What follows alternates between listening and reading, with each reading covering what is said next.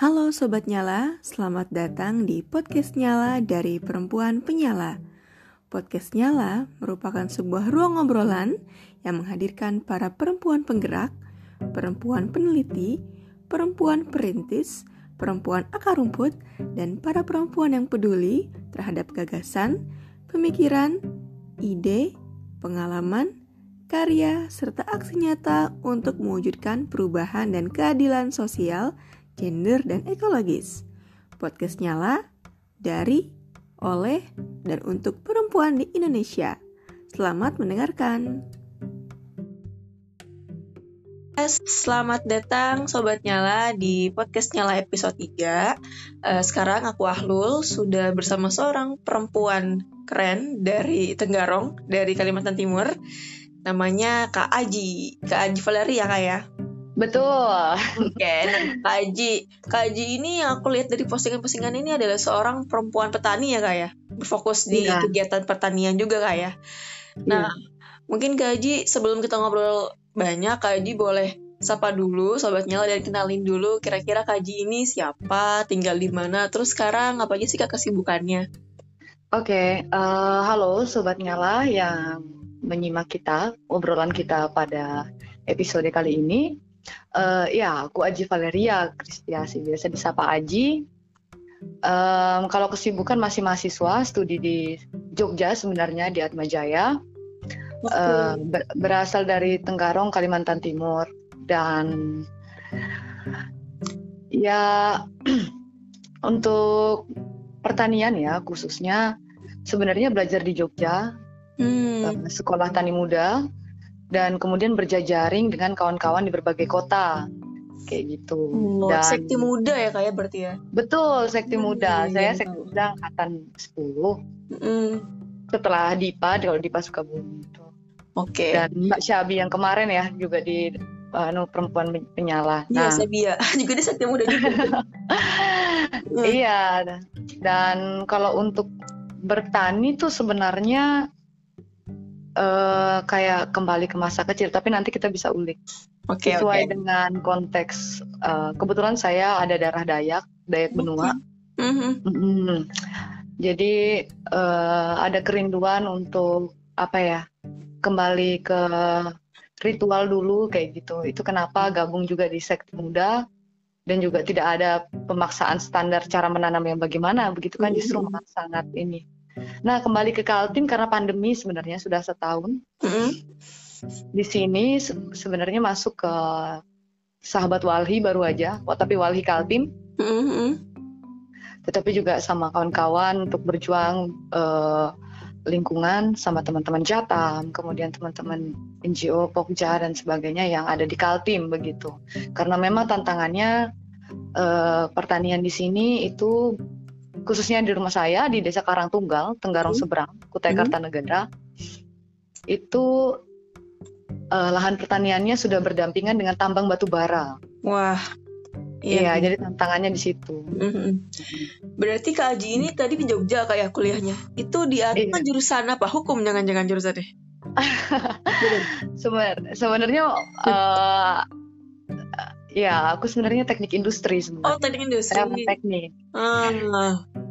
Uh, dengan kondisi hari ini justru malah apa ya banyak hal yang dipelajari ya dari industri misalnya di luar bicara uh, beban kerja, psikologi industri, hmm. ergonomi macam-macam.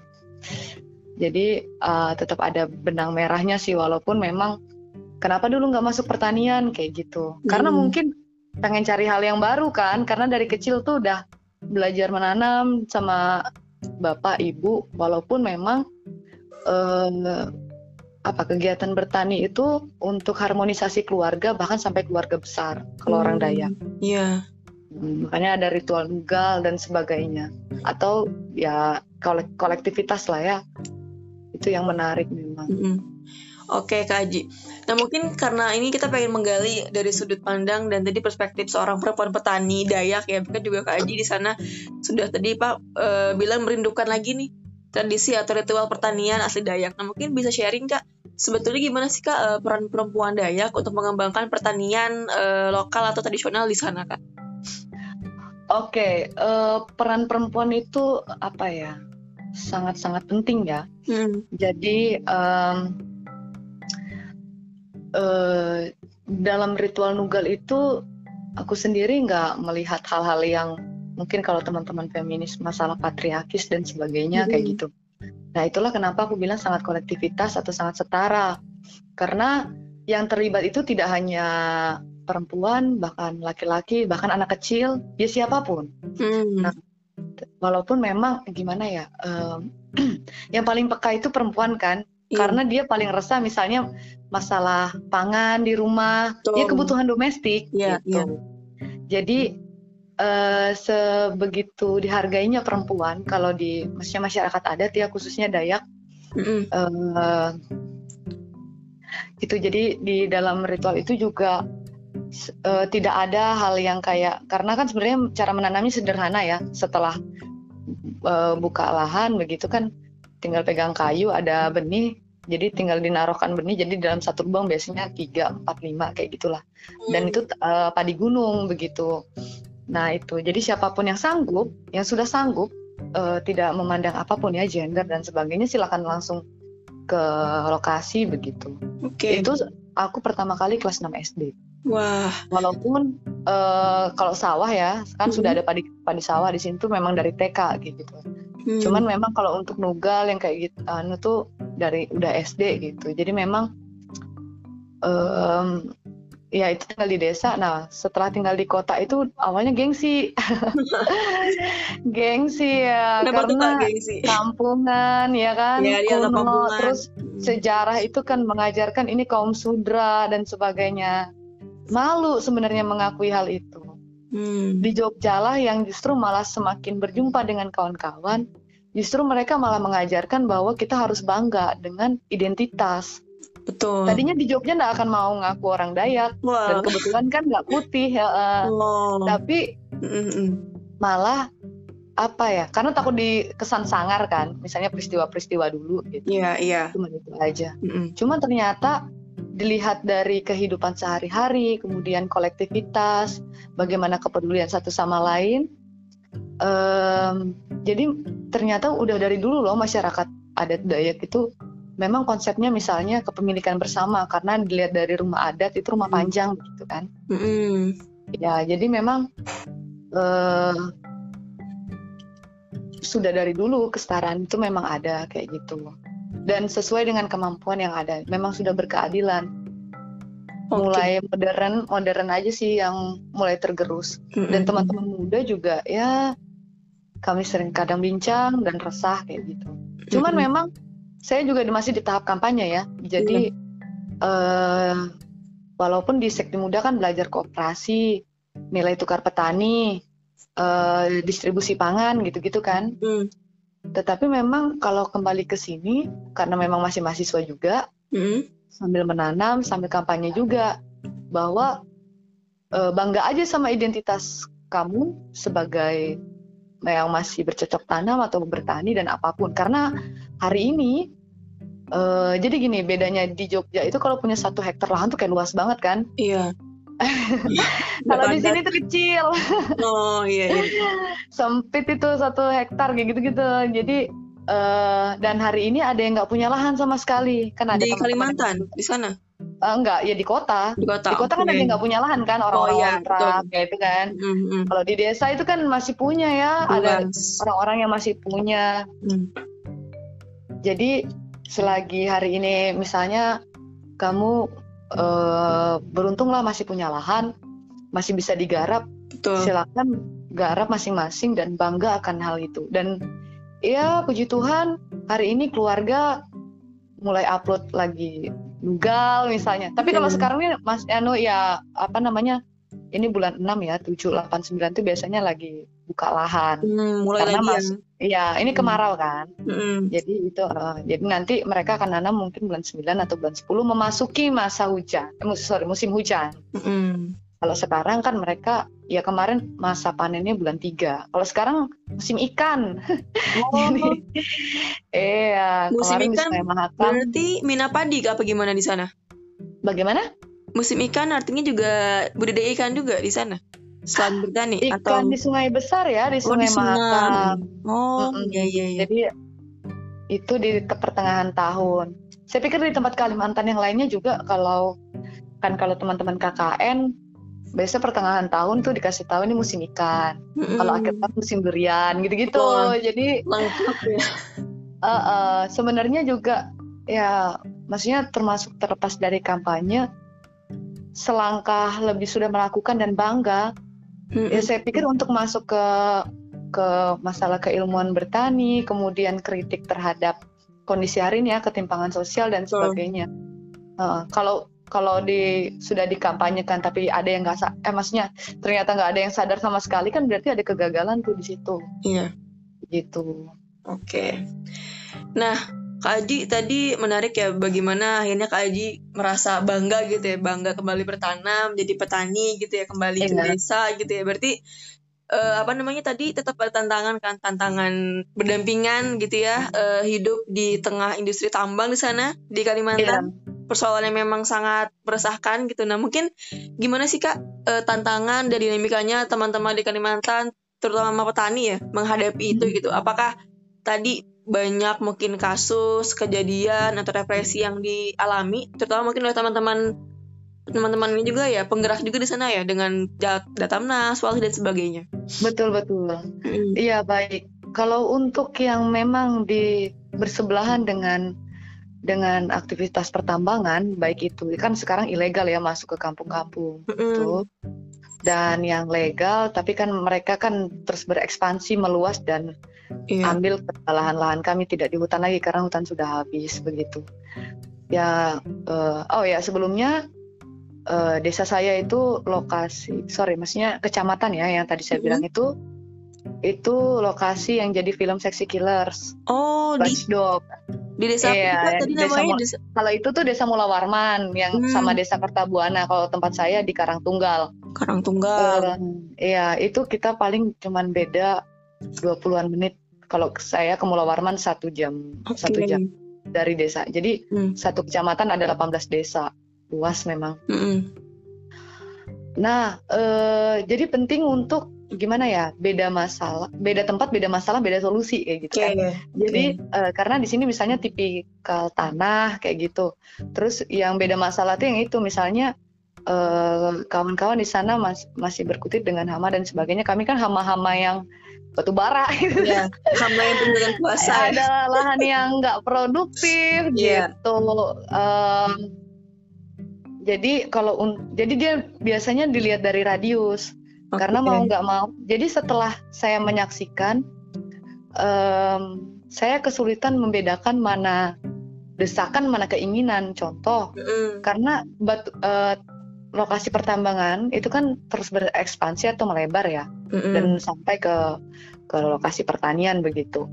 Nah sebenarnya si petani ini masih tetap mau bertani, bukan mau jual lahannya, Oke. tetapi karena terdesak, jadi mereka harus jual. dipaksa gitu ya oleh perusahaan di situ. Terpaksa. Kalau dipaksa banget sih nggak juga sih. Kadang kan kadang ada sebutan orang kaya baru dan sebagainya. Tapi sebenarnya mereka secara apa ya soul kayak gitu kan sebenarnya sadar betul bahwa lebih tenang bertani kan kayak gitu. Tuh ada yang kayak gitu. Atau memang siasatnya kiri kanan dep- depan belakang lahannya itu udah dibeli semua sama Hmm. perusahaan. Jadi memang kalau bicara lokasi pertambangan dan bersebelahan dengan ini mereka tuh siasatnya dengan ekonomi penjualan lahan. Oke. Mm-mm, jadi nggak semua petani itu kayak suka dengan pembebasan lahan gusur dan sebagainya kan kita lihat di Jawa misalnya kan. Mm-mm. Nah itu di sini juga, cuman kayak, nah ini lagi permasalahannya adalah Kalimantan itu kan luas. Jadi ada kan, ya kita semua akhirnya calon pengungsi krisis ekologis kan. Betul. Kayak misalnya eh, apa di sini merasa terancam banget, dia memilih pindah, nggak resisten. Dan itu kan gaya orang rimba tuh.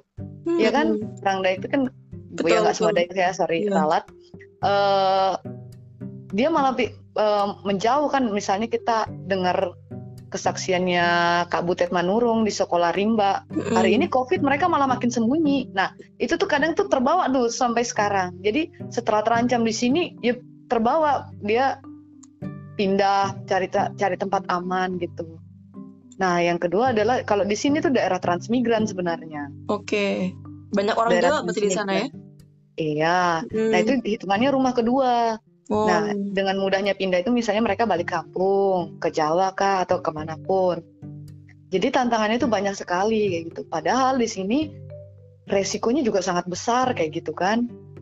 Eh, laju kerusakannya itu laju banget bagi saya tuh kayak bener-bener nggak bisa tuh kayak ibu-ibu di kendeng kayak nyetopin atau apa Mhm. karena eh, sudah banyak banget pengerusakan ya karena sistem kapitalistik hari ini Betul. jadi apa sistem kapitalisme hari ini apa kan syarat mutlak untuk terus berlanjut itu adalah pengerusakan ya alam Iya. yang paling terlihat yang paling tersirat itu sifat manusia makanya ada orang yang kelahi karena uang karena kepemilikan pribadi kayak gitu-gitu kan Betul, betul, betul. jadi nah masuk kepada eh, lokasi per- apa pertanian misalnya sawah kami gitu dekat radius 2 kilo dari tambang eh nggak nyampe malah Oke. Heeh, Heeh, deket Nah. banget ya. dekat jadi kayak pemandangan sehari-hari gitu kerusakan gitu Em, saya pernah hampir kesulitan kayak mau nangis atau mau ngapain pada akhirnya kan ya teman-teman masih dukungan teman-teman NGO dan sebagainya. Karena kalau kita misalnya nyetop nyetop truk itu kan rasanya bunuh diri memang Iya. kayak gitu. Karena ya itu banyak pengrusakan-pengrusakan yang dari sistem kapitalisme kepada individu bahkan teman sendiri gitu-gitu kan. Ah gitulah macam-macam. Jadi siasat saya ketika oh ini lahan pertanian nih. Kita lihat ini agak bawah ya maksudnya dan, dan ada gunung-gunung yang sudah mulai ini. Sebenarnya khawatirnya adalah banjir ya kan? Betul. Bencana ekologis ya. Mm, betul itu kan bencana yang diundang kan kalau Jatamnas bilang. Mm, Nah, kemudian yang saya khawatirkan juga adalah ketika ada aktivitas pertambangan, tanah itu dibuka, ada udara yang meluap yang kita mungkin tidak bisa lihat partikel kecil, dan itu udara kita udah kotor dan jatuh di lahan pertanian. mm. Nah, itu kenapa lah ada sawah yang nggak produktif. Nggak subur ya. Mm, Heeh. Nah, hal itulah eh, kalau di sini kan sawah kami kan kami nggak tanam padi ya, kami tanam keladi. Peladi. Eh, eh, eh, tanam keladi. Oke. Karena sistemnya bagus atau gimana gitu saya lupa. Mm, karena konsultasi juga sama Umi Nisa mm, mm. Garut Iya ya, Munisa keren banget. yang jadi saya tanam keladi. Nah di situ di kolam itu untuk penjernihan air karena kan tidak ada sungai sebenarnya. Jadi Oh, uh, uh, tak ada hujan kalau yang di sini. Nah itu akhirnya untuk supaya dapat air yang agak jernih, yang yang layak lah. Itu ada namanya tanaman apu-apu tuh banyak di rawa-rawa. apu-apu. Jadi akarnya itu bagus Hmm. untuk apa menyerap apa ya eh, material macam besi atau merkuri dan sebagainya Hmm. yang ada di air. Nah jadi eh, ketika mengambil air itu untuk menyiram tanaman yang lainnya, gitu supaya kita nggak beli-beli. Saya kalau beli air terus kan tekor. Ya, ya ampun, Ani harus beli ya. Iya, sedangkan Ya air. PDAM, eh, PDAM ya sorry Iya. aku. Ah, ya tapi kan itu ada kaporit dan macam-macam lah Iya, apa gitu kan, kandungannya terpercaya ya. lah intinya. Jadi Bener-bener. siasatnya itu gimana ya? Ya dengan baca-baca juga sih, baca-baca apa ya tanaman yang bisa menjernihkan air nih kayak gitu. Iya, secara Dan alamiah itu ya kayak berarti. uh, uh, itu tanaman apu-apu. Kalau kita lihat di rawa-rawa tuh kan jernih sebenarnya airnya, cuman lumpurnya banyak. Betul. Uh, uh, jadi ya, yang banyak. kalau misalnya agak gali gali itu kan kolam tuh mungkin setengah meter, sorry mm, nggak sampai satu meter kolam sebenarnya petakan sawah. Akhirnya jadi kolam ikan kan ikan organik juga. mm, mm. Nah di situ uji coba juga sih dan berhasil kalau kata saya dan ya udah buat nyiram-nyiram buat ini gitu sih karena memang kalau kita bicara apa ya maksudnya kan air itu kan masih sumber energi juga jadi Betul. supaya otonom juga nggak tergantung bergantung. itu masalah air Mm, mm. gitu jadi memang kayak penting sih wah ini ancamannya apa nih bagaimana kita menanggulangi dan tetap hidup misalnya kayak gitu Betul. Nah, tadi kak eh, kakak bilang kan soal dampak ekologis terasa ya. Mulai tadi juga ada takut ancaman bencana alam gitu ya, dampak-dampak lingkungan karena kerusakan dan pengerusakan secara secara tanda kutip tadi sengaja ya gitu ada perusahaan yang masuk buka lahan baru gitu. Nah, kakak kalau dari dulu sampai sekarang dari dulu kecil TK SD SMP sampai sekarang udah kuliah mungkin apakah sangat signifikan perubahan itu dan kira-kira udah kerasa belum sih kak dampak-dampak kerusakan yang ada di sana gitu mungkin tadi dari ten, apa ya bencana yeah. alam yang semakin sering terjadi banjir atau sebagainya mungkin gitu kayak udah mulai terasa sekarang um, sangat terasa sih karena kita harus pakai kepekaan kondisi alam karena ada yang lain kan enjoy enjoy aja sangat terasa sebenarnya iya Contoh, cuek banget ya deh nggak ini iya. nggak peka uh, uh, ya. jadi iya waktu SD masih bisa berenang di sungai sungai yang kecil sungai desa sekarang hmm. Kotor coklat semua tahu itu udah rahasia umum itu limbah tambang gitu oke okay. cuman uh, tidak ada gugatan lanjutan dan sebagainya karena ya air di support dari kayak misalnya mereka pakai PDAM atau memilih beli dan sebagainya. Hmm. Um, masif kerusakan itu yang saya rasakan, yang saya amati juga SMP sih.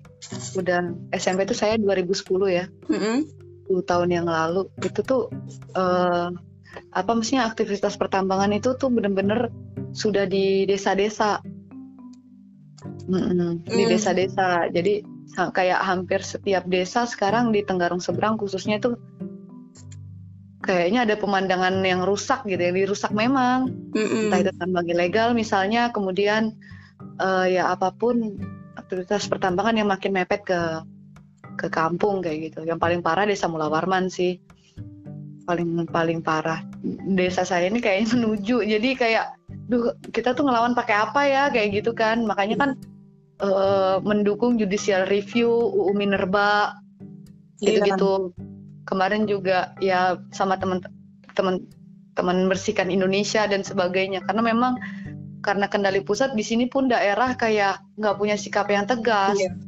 kayak gitu. Jadi ya kemarin kami aksi dan ya semoga lah itu bisa menjadi apa ya kabar baik. Karena itu akan akan berdampak untuk desa sih. Walaupun mungkin orang-orang kayak ah peraturan doang ini apa kayak gitu kan. Tapi bagi saya gini jadi satu tahun di Kalimantan karena saya lama di Jogja juga ya tujuh mm. tahun sebenarnya mm. satu tahun di Kalimantan dan diajak teman-teman belajar banget lah tentang karena ikut sama teman-teman Watchdog Jatam ekon mm. ser ekonomi serial ekonomi tanding mm. gitu terus melihat lubang tambang besar sekali uh, yang menjadi reflektif saya adalah ternyata lingkungan yang rusak tuh menandakan sistem politik yang juga rusak betul betul banget nah, mm. karena ketika kita misalnya punya teman lah ya kerja di tambang kayak gitu pasti alasan mereka tuh udah dapat izin udah gitu doang dan secara perizinan mereka lengkap banget ya kan betul legalitasnya. Uh, jadi mm. uh, apa? Padahal kalau kita lihat beberapa riset dan sebagainya, ada peneliti juga UPN Jogja bilang yang manajemen risiko bencana aktivitas pertambangan di Indonesia itu rendah banget mm. karena dia menabrak bentang alam, bentang ekologisnya.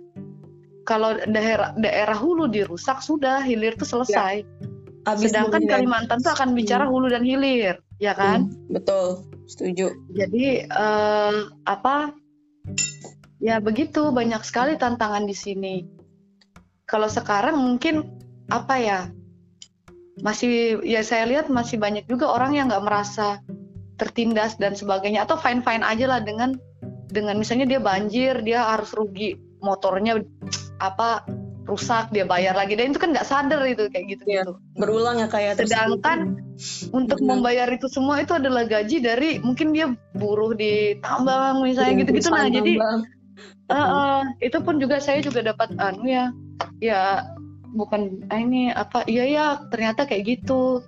Misalnya seorang rohaniwan suster pastor dan sebagainya. Karena memang kan ternyata polanya gitu kita betul-betul dibut uh, ketergantungan.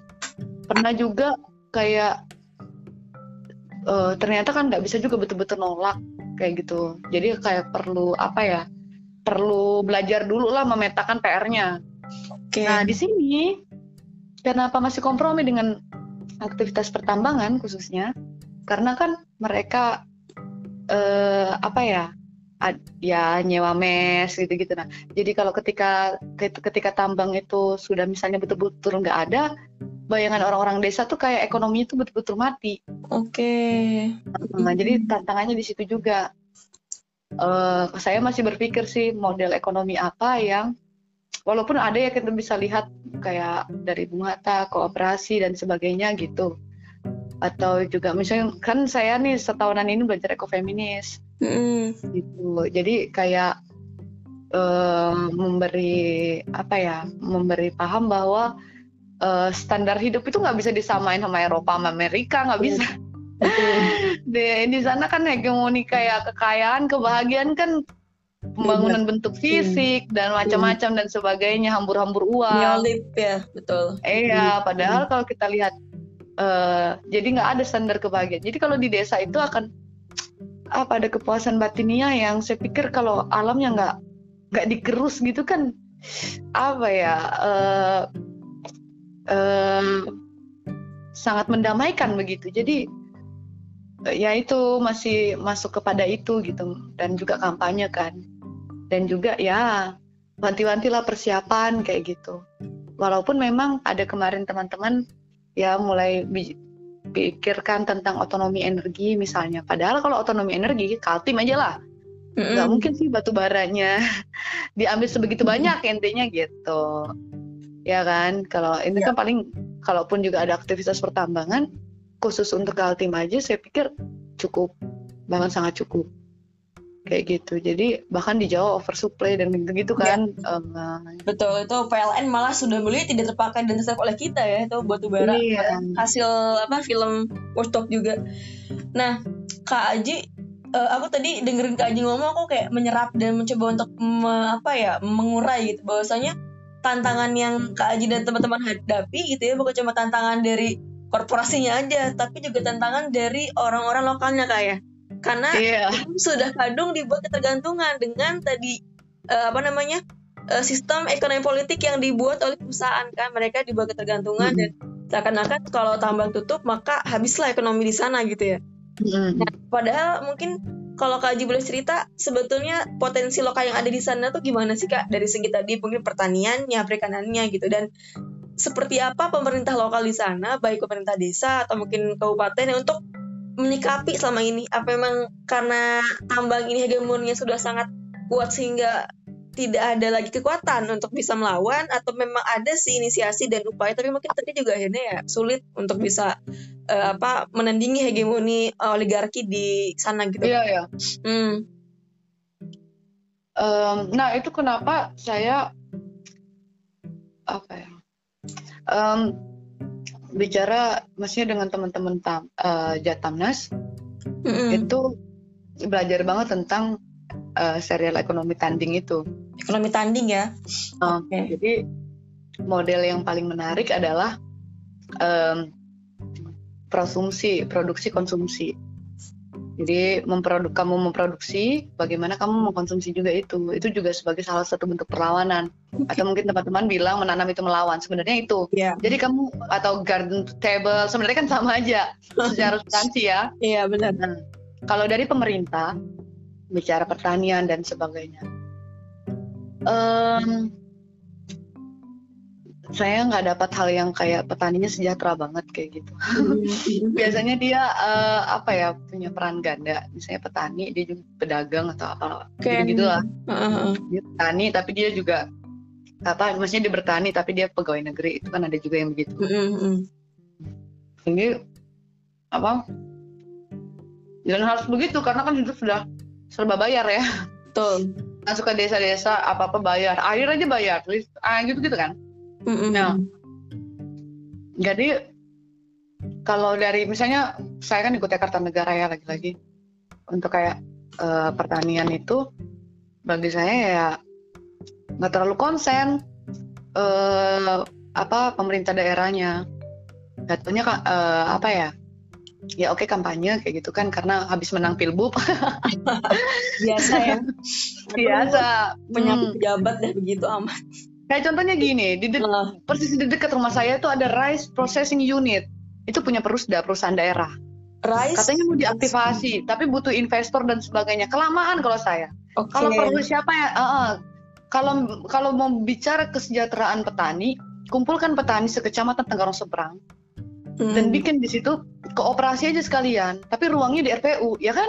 Betul. Itu hidup kok Rana. Hmm. Jadi kolektif. Hmm. Iya kolektif memang. Hmm. Nah, tinggal pengaturan sistem kerja. Tapi kan orang-orang yang berkepentingan itu butuh investor lah apa yeah. kelamaan. Betul. Akumulasi um, lagi dipikirkan ya akumulasi iya. lagi. Iya. Jadi kalau di apalagi Kutai Kartanegara ini dulu kan kabupaten terkaya, kayaknya sekarang calon termiskin, kata bapak saya. Karena hmm. banyak koruptif. Iya, tiga hmm. bupati berturut-turut. Makanya kami mendukung KPK ya. Um, dan di situlah uh, kekhawatiran pemerintah juga Pemda, Pemkap ya, sorry. Betul. Itu kayak bicara udah mulai pertanian, tapi ya cuma nanam benih hibrida. Padahal hibrida itu kan rekayasa genetika. Betul, benih Kalau kita detil lagi membaca, yeah. ya rekayasa genetika tuh me untuk menurunkan Mematik, imunitas tubuh iya. karena itu Betul. iya dari luar kan hmm, mematikan kedaulatan hmm. lokal ya. Hmm. Hmm. Nah hal itulah ya saya nggak tahu ya apakah bukan mengatakan kurang ilmu sih. Cuman ya lagi-lagi kalau kamu anu apa dengan kepentingan pribadi di atas kampanye untuk banyak orang alih-alih ya eh, begini hasilnya kayak dikukar jadi kalau tapi bukan berarti kayak ada fasilitas ini ya saya tetap anu ya maksudnya dukung gitu maksudnya dalam arti bukan dukung uh, apa kalau bicara pertanian ya pertanian yang bagaimana yang serius aja. Toh hari ini berapa sih lulusan pertanian? Banyak banget. Iya. banyak banget. Jangan jangan bilang miskin SDM deh. Emang nggak ada nggak ada apa ya nggak konsen aja kayak betul, gitu. betul.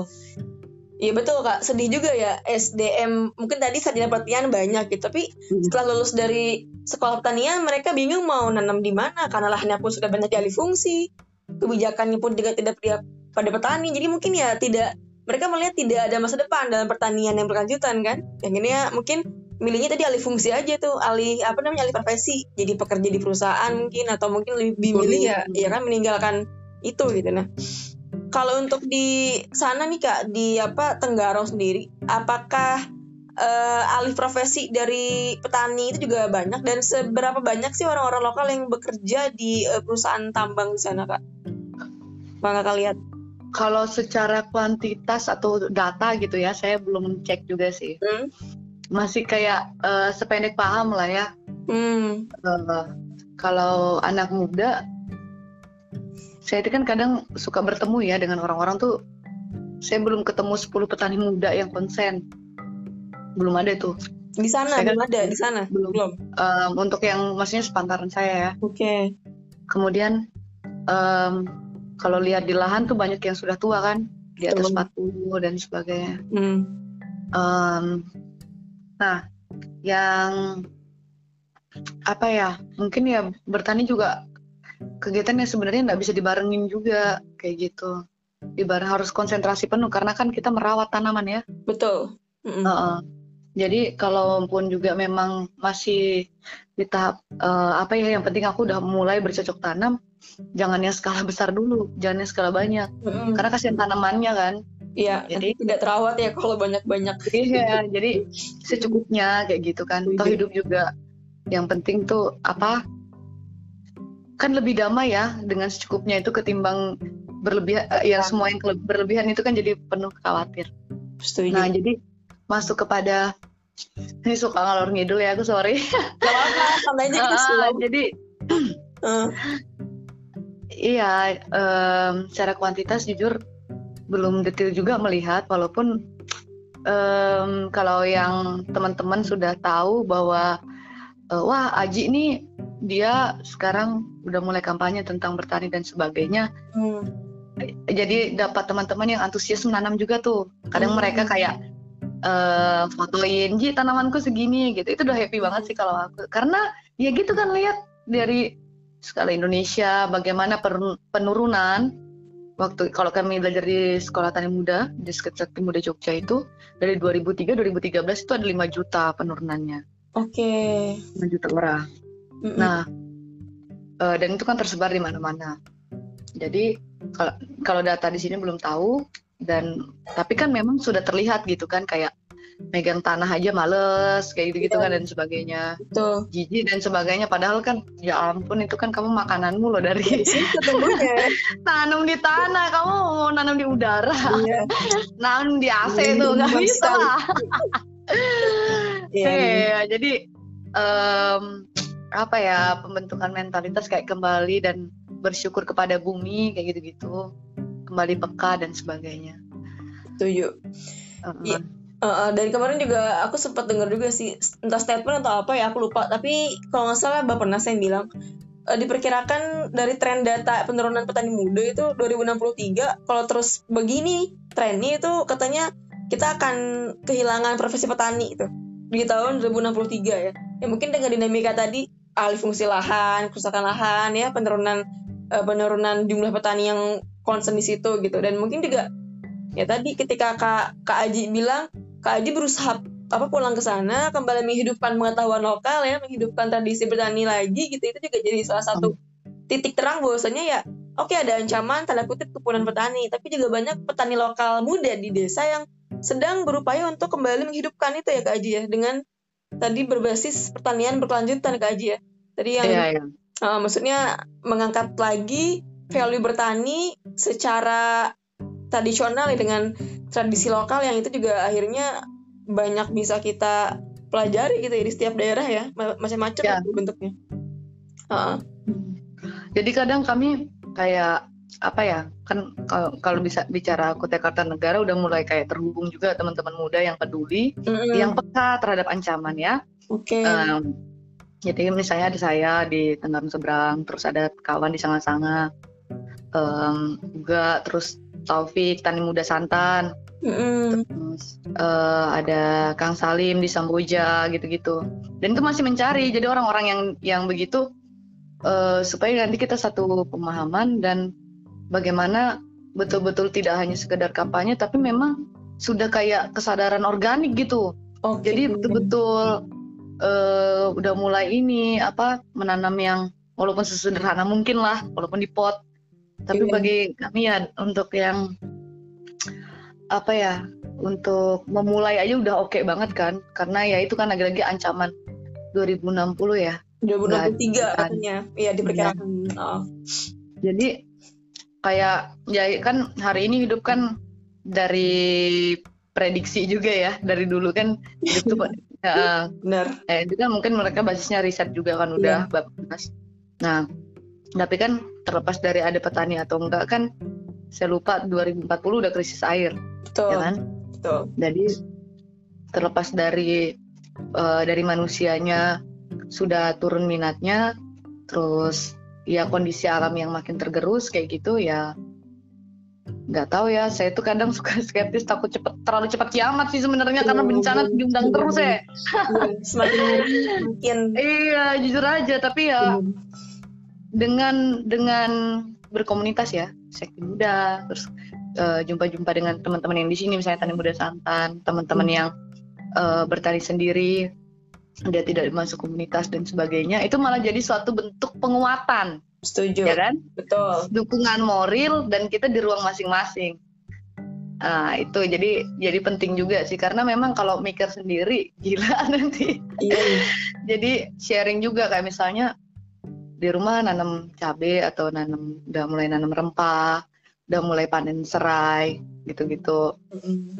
Jadi terus saya kan juga membantu teman juga ngelola warung kopi gitu. Akhirnya bikin menu wedang jahe gitu-gitu. Mantap. Nah, uh, jadi kayak apa ya? Kalau di Jogja kan sering jamu ya ngejamu sebenarnya. Kalau di sini tuh banyak jamu sasetan. Oh. Jadi uh, saya kalau sebenarnya untuk kayak menyentuh langsung jarang sih karena uh, uh. lebih suka ngelihat orang yang ngeracik gitu kan memperhatikan. Nah jadi kayak digeprek-geprek di apa kayak gitu. Terus akhirnya saya experience dulu gitu baru dijual lumayan segelas sepuluh ribu. Angkringan sana dong nggak angkringan. Burjo sih rencana. Burjo ya. Aduh ya ya. Kadang juga ini teman-teman yang bagusnya aduh ada dia tuh studi di Jogja. Nah itu yang baru-baru juga teman-teman yang studi di Jogja tapi lagi balik nih ke sini. Hmm. kita jumpa pelan-pelan jumpa jumpa dan ternyata ada kepedulian misalnya bicara tentang pertanian juga. Hmm. so, ya bercocok tanam sederhananya. Ada yang di urban kan urban farming. Hmm. ada yang konsen di tanaman hias dan sebagainya jadi memang nanti akan bicara bagaimana uh, otonom yang memang diri sendiri dia punya ya itu kan produksi konsumsi garden table gitu-gitu aja kan sebenarnya hmm. sama jadi Eh, hal-hal uh, itulah yang kadang udah kami bayangkan gitu apakah ini tapi kan ya itu bersosial ya jadi kadang juga garam harus beli apa harus beli gitu mm. jadi tapi minimal juga nggak melulu beli kan semuanya gitu kan toh juga jadi beda loh kepuasan karena punya uang banyak dengan kepuasan habis panen beda banget ya. Iya, iya. Coba aja. Oh, iya. beneran. Yang dirawat dari awal ya. Dari ini Iya, beda. Kayak misalnya kita gajian nih. Iya, iya. Gajian gitu kan. Uh -uh. um, wah, aku udah gajian gitu kan. Terus udah bisa beli-beli ini. Itu kita tuh cuman melayani tingkat kepuasan dari dari ya pasar ya, industri dan sebagainya. Betul, gitu. betul. Dan itu kan kalau nggak salah non eh sorry nonton the story of stuff bagaimana produksi barang hmm. uh, kisah barang itu kesenangan untuk apa ya kamu bisa beli dengan uang saja itu cuma bertahan 15 menit katanya oke okay. mereka tapi kalau nanam dari nanam merawat sampai panen yeah. itu ada kepuasan yang ya kisah yang aduh kayak gini ngelola tanah begini hmm. yang ini gitu-gitu sampai panen sampai masak uh prosesnya bener-bener dari hulu ke hilir dari tanah sampai ke lidah iya gitu. jadi ada beda banget kepuasannya kalau yeah. kalau saya buat para pendengar lah nyimak gitu coba aja deh kalau saya itu ibu saya juga yang ngomong uh-huh. untuk apa punya uang banyak ternyata gitu-gitu kan kok nggak bisa dinikmati banget kayak gitu yeah. tapi kalau kita nanem kan di rumah ada matoa, rambutan, apa segala. Hmm. Setelah panen tuh seru banget kayak gitu. Nah hal itulah yang apa ya um, ya hasil alam alam yang alami ya bukan alam yang diproduksi iya. kalau ini. Alam yang alami lah saya bilang maksudnya dari kita tahu betul bagaimana dia tumbuh bagaimana ini itu luar biasa sekali sih dengan kepuasannya. Apalagi kita sudah membandingkan dengan uh, ya ya yang komersil dan sebagainya itu ah. Beda lah ya pokoknya value-nya ya ya, beda ya. banget energinya beda iya kan bahkan beras ini yang masuk lagi tadi kepada pertandingan tradisional ya uh -huh. nugal kan itu kan pakai beras gunung kalau di sini bilang hmm. padi gunung sorry hmm. kalau di Jawa bilangnya padi gogo padi gogo ya kan hmm. Hmm. kalau saya sendiri lidah saya itu rasanya lebih enak padi gunung daripada padi padi basah sawah. Uh, padi yang apalagi pasaran saya nggak tahu itu uh. bagaimana cara perawatan dan sebagainya. Gak takut juga tapi ya udahlah kalau lapar ya makan, gitu. Makan gitu kan cuman cuman hmm, apa ya memang padi gunung nikmat sekali kalau apalagi uh, apa ditambah rica-rica ditambah bah hmm. tuh itu nggak ada. Kebunnya dari iya. sambil ngopi juga tuh bah. Mantap sekali. Jadi memang uh, harusnya benih lokal tuh jangan diragukan sih. Jangan diragukan. Cuman ya kayak gitu ya lagi-lagi ada kepentingan ya, yang profit oriented dan sebagainya. Nah, nah, ada hegemoni bahwa ini benih unggul kayak gitu kan. Iya. Ini hasil dari rekayasa genetika lab alam kampus mana. Padahal dia membunuh, membunuh benih. Padahal. Padahal itu monsternya. iya. Itu kenapa banyak juga keluhan kayak uh. doa ini ya semoga kan udah bertani nih. Mm -hmm. Doa ini ya semoga ini laku terus dapat harga layak. Hmm. Nah, saya tanya kan, hmm. um, itu gimana? Wah anu apa apa belilah. Dari pupuk apa segala semuanya beli. Nggak bisa kayak pure organik. Waduh berat sih memang. Kayak gitu kan. Wah memang. Sedih kak kalau denger kisah para petani ya di desa tadi. Akses terhadap benih pupuk. Mereka juga sulit. Pas panen jual juga harganya turun. Anjlok. Wah itu tadi. Dan akhirnya aku sangat ini sih kak makasih banget nih kak Aji hmm. udah bisa berbagi pengalamannya langsung sebagai seorang perempuan petani yang memang tadi bertani di tengah hegemoni perusahaan ya hegemoni industri batubara di sana gitu.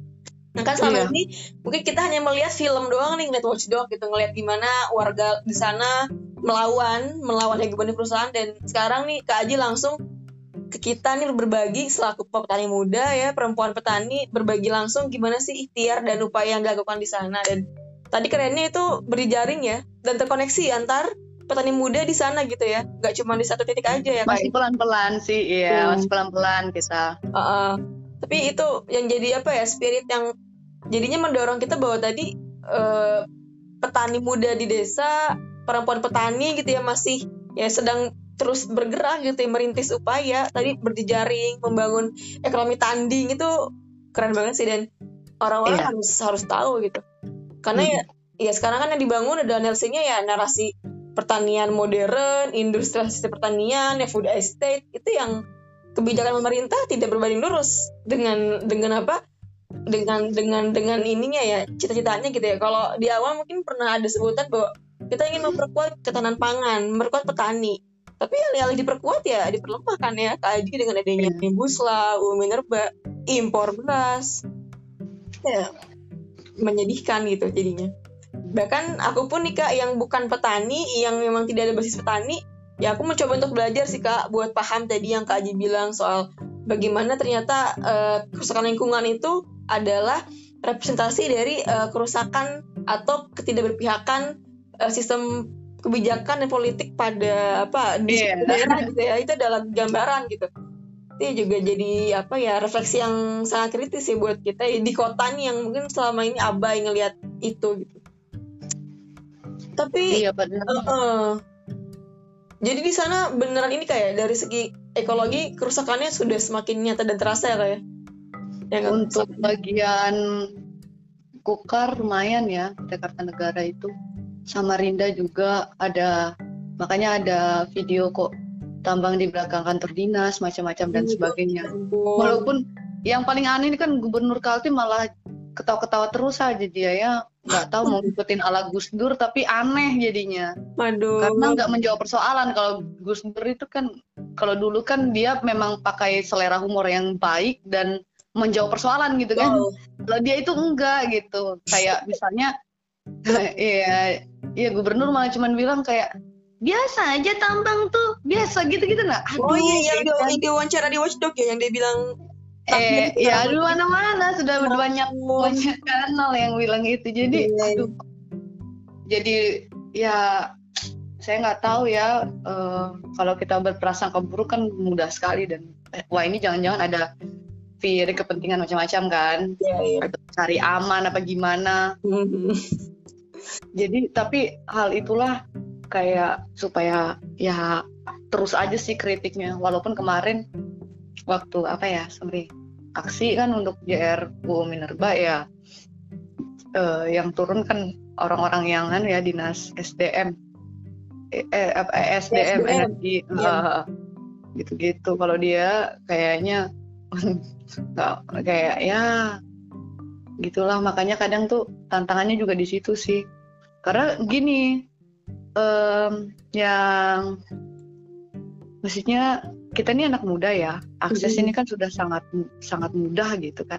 Kita bisa lihat berita di handphone dan sebagainya. Betul. kok ya malah Jogja dia dia. Iya kok ya apa hati sama sama sistem politik gitu loh.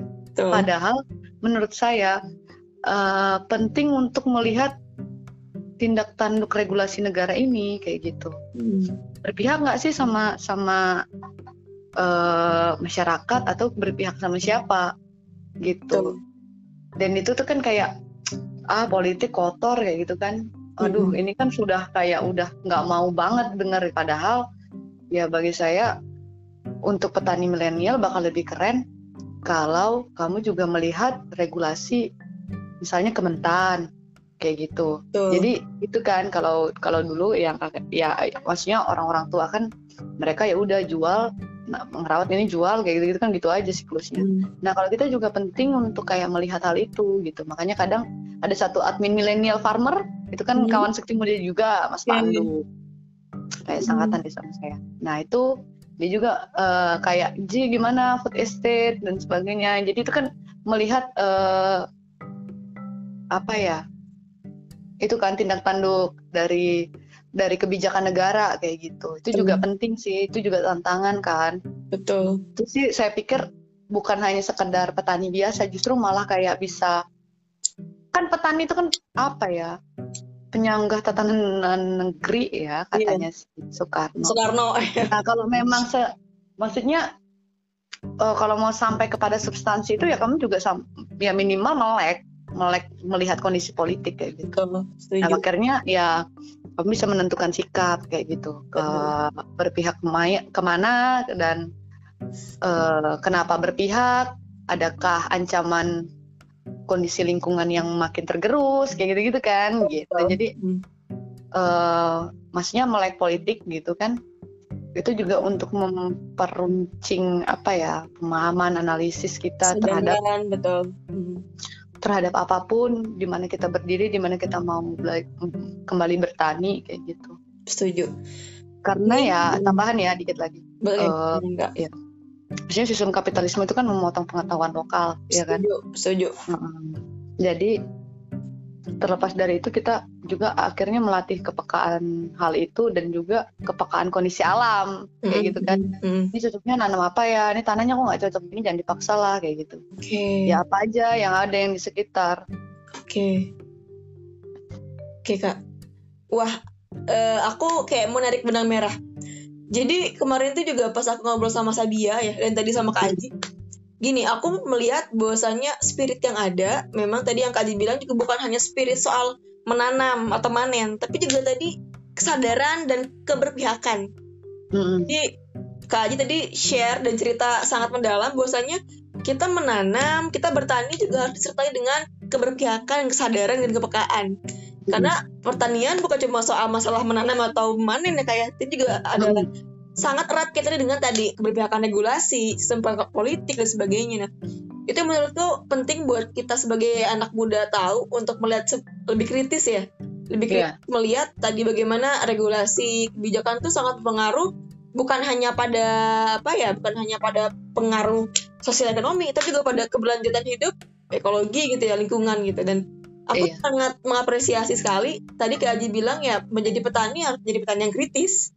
petani iya, yang iya, paham, ya kan petani yang bisa iya. menganalisa keadaan sosial, keadaan politik, dan pun keadaan alam lingkungan jadi ya. Gitu. Iya, yang pertama, yang kedua aku juga sangat setuju Kak Aji bilang bahwasanya sistem kapitalisme itu menggerus, membunuh dan mungkin uh, memudarkan pengetahuan lokal ya kayak ya. memutus yeah. pengetahuan lokal itu yang memang sangat ditakutkan juga Kemarin juga saya bilang itu yang menjadi hal yang sangat bahaya ketika pengetahuan lokal hilang dirampas hmm. oleh kebergantungan kita pada industri dan pada sistem uh, kapitalisme gitu. Wah, iya. Itu menurutku adalah sebuah refleksi yang luar biasa, Taji. Nah, mm -hmm. sebelum sebelum kita menyudahi nih, mungkin aku pengen dong Kak Aji sebagai seorang perempuan petani ya, Kak Aji boleh memberikan sekali lagi mungkin Kak refleksi kritisnya, pandangan kritisnya mengenai ke depannya nih Kak, seperti apa sih masa depan atau mungkin spirit peluang, harapan dan rencana yang Kak Aji akan ikhtiarkan gitu ya untuk bisa tadi menghidupkan kembali pengetahuan lokal secara kolektif ya untuk bisa yeah. katakanlah mungkin mewujudkan ya kedaulatan hidup secara komunitas gitu ya berbasis uh, pertanian tadi mungkin Kak Aji. Baik, terima kasih Kak Halu. Um, ya untuk semua yang menyimak obrolan kami, yang paling pertama adalah uh, terlepas dari merawat tanaman itu juga merawat semangat. Setuju. Gitu. Merawat semangat, menjaga dan itu juga banyak tipsnya seperti relasi teman-teman yang satu semangat ya bicara pertanian. Nah itu itu adalah bagian dari merawat semangat supaya nggak patah semangatnya kayak, duh aku gagal nanam kayak gitu dan iya. justru malah itu kan learning by doing ya belajar oh. sambil melakukan. Mm. Nah hal itulah yang yang pertama Terus yang kedua adalah tetap apa ya kembali bangga kayak gitulah. E, kalaupun nggak punya lahan, coba e, yaitu kan kembali belajar sambil melakukan, lihat sekitar hal apa yang bisa digunakan tuh juga udah mulai menanam. Misalnya kamu lagi di kota, nggak punya lahan sama sekali kayak gitu kan atau Hmm. padat penduduk kayak gitu karena saya lihat juga ada eh, apa dia busa pariah mau ngabai dia nanam di rooftop di Jakarta. Oke. itu bisa ternyata. Nah hal itulah juga bisa ditiru tuh yang kayak gitu. Ditarik semangatnya kan dan Betul. dicoba kayak gitu. Nah yang ketiga adalah em, ya menjadi reflektif saya maksudnya hari ini kan survive-nya orang hutan dengan orang kota beda. Survive-nya orang orang kota itu kan cari uang ya. Orang desa juga hari ini. Cuman eh, kita bisa menarik semangat orang-orang yang dulu hidup di rimba dan sebagainya eh, mereka dulu tuh cara survive-nya tuh sudah mengenali tanaman yang bisa dikonsumsi Iya kan? Hmm, Betul. Nah, jadi misalnya lagi lagi keluar rumah dan ke belakang lihat pucuk singkong diambil untuk dimasak dan sebagainya. Nah, sebenarnya di kota itu bisa dilatih. Jadi kayak misalnya kita lewat, Mm-mm. kita udah mulai mengenali tanaman yang bisa dikonsumsi Oke. kayak gitu. Jadi kadang saya tuh nggak udah nggak pakai gengsi lagi ya ada kebun kota dekat kos saya Mm-mm. sambil basa-basi sama ibu-ibu yang lagi bikin tempe nggak nyambil metikin kayak gitu jadi kayak it, ya jadi cara cara orang dulu kan kayak gitu ya survive-nya jadi supaya kita nggak eh, apa ya lagi-lagi bijak nggak terlalu konsumtif kan Betul. untuk meminimalisir hal itu jadi itu juga sebenarnya bisa dicoba di kota bahkan jangan-jangan kalau misalnya kita ya asal izin ya kalau di kota kan kita tahu itu punya siapa dan Iya. sebagainya jangan lupa Dikira maling ntar. iya ntar maling repot kan Bener-bener. Eh, karena hukum tuh tajam ke bawah ini yang Ya. mencuri singkong berapa Aduh. tahun ya kan hati-hati Iya setuju. nah, asal izin ya asal izin siapa yang punya lahan siapa yang lagi nanam gitu kan Mm. Sambil eh, ya be- berdialektika pendekatan emosional yang baik dengan tetangga misalnya ya ada kedermawanan mereka ya ambil aja ambil aja yang banyak gitu. Padahal saya cuma nggak bu saya cuma butuh segini kayak gitu. Itu di kota itu malah. Hmm. jadi hal-hal itulah yang kita bisa tarik di orang-orang dulu yang sekarang di kota kayak gitu. Hmm. itu aja tetap semangat buat belajar menanam buat dan juga melawan pre- prediktif ya prediksi yang yang nggak akan ada petani tahun 2060 kayak gitu terus kayak misalnya masalah air dan sebagainya dicari lagi riset-riset yang sudah membuktikan bahwa ini gimana ya kayak ada air bersih supaya nggak beli terus pakai tanaman apa misalnya Hmm. ini gitu-gitu jadi eh, tetap eh, apa yang menyelaraskan apa yang disuarakan apa yang dilakukan dan apa yang dipelajari. Dan jadi eh, bertani itu juga sambil belajar sampai mati kali ya sampai kita ini. Karena memang ya eh, kita nggak tahu eh, ke depannya tantangan apa lagi entah tiba-tiba ada hama ini apa macam-macam dan sebagainya. Itu kenapa misalnya di sekti muda eh, juga eh, bicara tentang bersahabat dengan hama. Makanya ada sawah-sawah yang Iya. ada bunga ya kan ada bunga Mm. itu ada di saya lihat di Wodomartani di Sleman gitu di sini juga udah mulai ada bunga-bunganya sebenarnya itu supaya serangganya itu nggak nyerang padi ya kan jadi dia Hmm. lebih tertarik ke bunga matahari kah atau apa Uh, jadi bukannya malah membasmi dengan dengan produk-produk pabrikan yang sekarang itu malah lebih bersahabat kayak gitu-gitu. Jadi ya tetap semangat lah ya kayak gitu kan. Kalaupun patah semangat ngerasa kayak bukan patah semangat ya capek lah atau apa jangan lupa rehat tapi tetap dirawat lagi. Iya kadang kan kita juga ngerasain hal itu tapi penguatan lagi ketemu temen lagi ngobrol lagi terus coba lagi nanam lagi gitu jadi eh, jangan pernah lelah melakukan hal itu karena memang ya menanam menanam bertani dan apa pun itu yang eh, bersinggungan dengan tanaman dan juga eh, hewan kayak gitu saya pikir itu juga eh, pekerjaan yang sangat sangat real walaupun ya kayak apa ya hmm, mungkin tidak terlalu mencolok tidak terlalu dilihat tapi sebenarnya eh, kalau kita lihat dari ini kan sangat bernilai guna kayak gitu. Jadi itulah eh, juga saling mengingatkan ya. Kayak Mbak Haji, kok nggak nanam? Ya udah aku nanam lagi. Ya itu. Halo. Iya. iya. Wah, wah, wah. Aku ini sih kak, tadi kayak lagi-lagi aku diem dan mendengar, mencoba buat menyerap ya. Aku mm -hmm. merasa ya tadi kita butuh banyak, butuh lebih banyak gitu ya teman-teman perempuan, teman petani, perempuan penggerak yang berani buat bersuara, bukan cuma bersuara, tapi tadi yang Kak Ji bilang juga menyelaraskan antara apa yang disuarakan, yang dikampanyekan, yang dipelajari gitu yang dilakukan. Itu kita butuh lebih banyak perempuan-perempuan seperti Kak Aji gitu di tengah kondisi saat ini apa krisis iklim semakin nyata terjadi ya kerusakan ekologi semakin nyata terjadi kita butuh banyak perempuan-perempuan yang bersuara terus bergerak terus dan berkarya terus di situ. Uh, btw Kak Aji Jogjanya di mana Kak kosnya? Saya di pas di belakang pasar Demangan. Pasar Demangan. Ada di situ kadang ya mampir-mampir gitu Okay. Kalau masuk di belakang uh. ada gang itu kan saya di situ di Demangan sih. Uh-huh. Oh nanti kalau misalkan Kak Aji ke Jogja lagi, kita ini ya semoga bisa ketemu dan cari langsung lah. Siap. Sampai ya semoga ya mestakung. Ya mestakung. mendukung. Semoga coronanya segera mereda. Tapi di sana corona gimana kak angkanya kak? Apa lagi naik, turun atau stabil di Tenggarong? Sebenarnya ngikutin isu Jawa juga sih maksudnya di sini kayak anu apa di Jawa mengerikan di sini ikut-ikut mengerikan. Padahal ya kayak biasa aja kayak gitu sebenarnya. Um, ya saya nggak tahu sih apakah nanti akan kembali ke Jawa karena saya harus menyelesaikan studi. Tetapi ya di sini apa yang bisa saya lakukan kayak ya bertani terus menanam pohon dengan kawan-kawan. Khususnya di di lahan-lahan bekas tambang yang masih topsoil ya tanah terbaik yang masih bisa ditanam kayak gitu-gitu sih karena ya hal itu juga sebagai senjata kita untuk tetap terus melawan dan menjaga semangat. Oke, okay. wah keren-keren banget. Tadi aku jujur sih kayak ya aku dari kemarin tuh emang gini.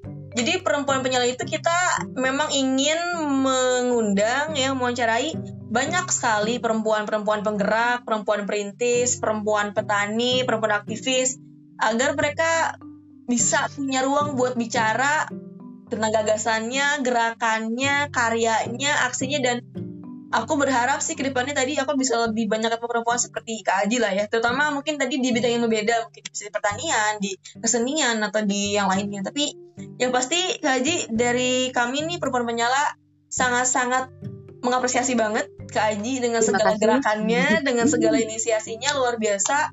Kita berharap semoga terus tumbuh Kak Aji, terus tumbuh tangguh berpengaruh. Amin. buat teman-teman di Tenggarong sana Kak Aji, buat teman-teman yeah. yang terus berupaya dan melawan dengan menanam. Kami tahu tidak mudah untuk bisa hidup di tengah hegemoni perusahaan di sana, di tengah hegemoni oligarki. Mungkin kami yang di Jawa tadi tidak menyadari tapi Kak Aji di sana merasakan langsung bagaimana dampak dan melihat perubahan yang sangat signifikan karena adanya uh, tambang dan apa perusahaan di sana. Kak Aji, ya. Wah, pokoknya maaf nih kalau ganggu malam-malam ya, ini waktunya istirahat malah wawancara lagi. Iya, biasa ini kan jam nongkrong malah. Oke. Okay. Nah, kalau gitu e, iya. ya nanti kalau misalkan ke depan kita udah lagi buat apa mungkin webinar atau apa Kak Aji ini ya harus mau ya. harus mau dong. Iya, kalau saya sih apa pun ya, apa pun ruang kawan-kawan karena bagi saya sendiri lagi-lagi malah berterima kasih dikasih ruang untuk saya menyalurkan keresahan saya di Kalimantan atau gimana karena memang justru juga berterima kasih ya hari ini dengan perempuan penyala kemarin juga dengan solidaritas perempuan, estekinasi dan sebagainya. Jadi memang nah uh, kalau saya kan karena setahunan terakhir juga belajar ekofeminis di ruang baca puan, mm-hmm. saya aktif sekarang sama, sama RBP di sana ruang baca puan itu um, yang paling penting juga uh, ya produksi pengetahuan, memproduksi pengetahuan terus untuk kayak lebih menemukan model-model baru di di tengah masa masalah-masalah yang apa aja kayak gitu. Jadi uh, mempelajari dari referensi lama tapi juga menemukan solusi-solusi baru kayak gitu jadi produksi pengetahuan kayak ya ini pengalaman bertaniku di lahanku kayak gitu. Oh ini di lahanku kayak gitu kan. Itu kan saling sharing kayak gitu oh.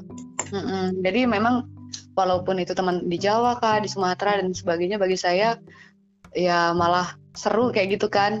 Aku lagi nanam kopi aku lagi nanam ini macam-macam dan sebagainya. Um, itulah hal yang menjadi landasan sih buat saya sendiri untuk kayak uh, apa ya mengantisipasi rasa menyerah kayak gitu kan lagi-lagi untuk mendengar cerita teman-teman yang lainnya juga kayak gitu. Saling menguatkan jadi ya lewat tadi. Ya, yang tadi. Cerita itu. Oke. Itulah. Oke Kak Di, mungkin sebelum kita untuk diri, mungkin ada lagi nih keresahan lain yang belum disampaikan? Uh, saya pikir sudah sudah semuanya nanti semoga kita cepat ketemu ya Kak Alul semoga saya iya karena supaya nanti kita kan uh, ini kan kita dari suara aja ya maksudnya semoga oh. kita lebih anu lagi menyatukan semangat dan mungkin ya. bisa eksperimen bareng nanam bareng lagi karena uh, ya itulah jangan patah semangat kalau baru gagal sekali. Iya. Tetap hmm, anu lah. Kalau peka asli sih memang wah bertani itu puas banget. Kalau misalnya gitu deh. Mantap. Jadi cukup thank you so okay. much teman perempuan penyala dan uh, ya semuanya kan apa ya? Uh-uh. nah yang menarik itu kan woman super woman itu kan. Tujuh jadi banget. setiap perempuan itu kan saling mendukung kalau kita baca feminis manifesto 99% mm-hmm. bahwa kita semua kaum rentan yang dikendalikan orang yang sangat kaya satu persen aja. Satu persennya kita ya. Kita harus menguatkan dengan sampai kita nah itulah uh, kalau ada apa pun backgroundnya selagi mau menanam bagi mm-hmm. saya ya di, kita kaum 99% ya ayolah kayak gitu. Mm-hmm gitu aja. Dan saling mendukung karena itu penguatan lagi-lagi. Siap siap. Oke kak Aji kalau gitu mm-hmm. aku juga ini bingung gimana gimana nutupnya ya. Karena kayaknya kalau ini bakal terus lanjut dan emang gak cukup sih nggak apa-apa. Okay. tapi terima kasih ya semuanya. Nanti semoga banyak. next time lagi oke okay, kalau gitu buat teman-teman semua sobat nyala semua nih sekian dulu nih aku akan tutup podcast kita yang seru banget ini. Lanjut lagi mungkin nanti di podcast part 2 kalau emang nanti ini ada atau di webinar mungkin ya biar lebih langsung lihat muka. Kak Aji dari kami ngucapin makasih banyak. Tetap iya. lapang tetap terang sejak dalam pikiran perasaan Amin. hingga ke aksi-aksi nyatanya Kak sehat terus semangat terus tetap menanam tetap melawan Salam buat teman-teman dan semua teman-teman. Siap. Thank you lagi. Terima Dadah. kasih juga.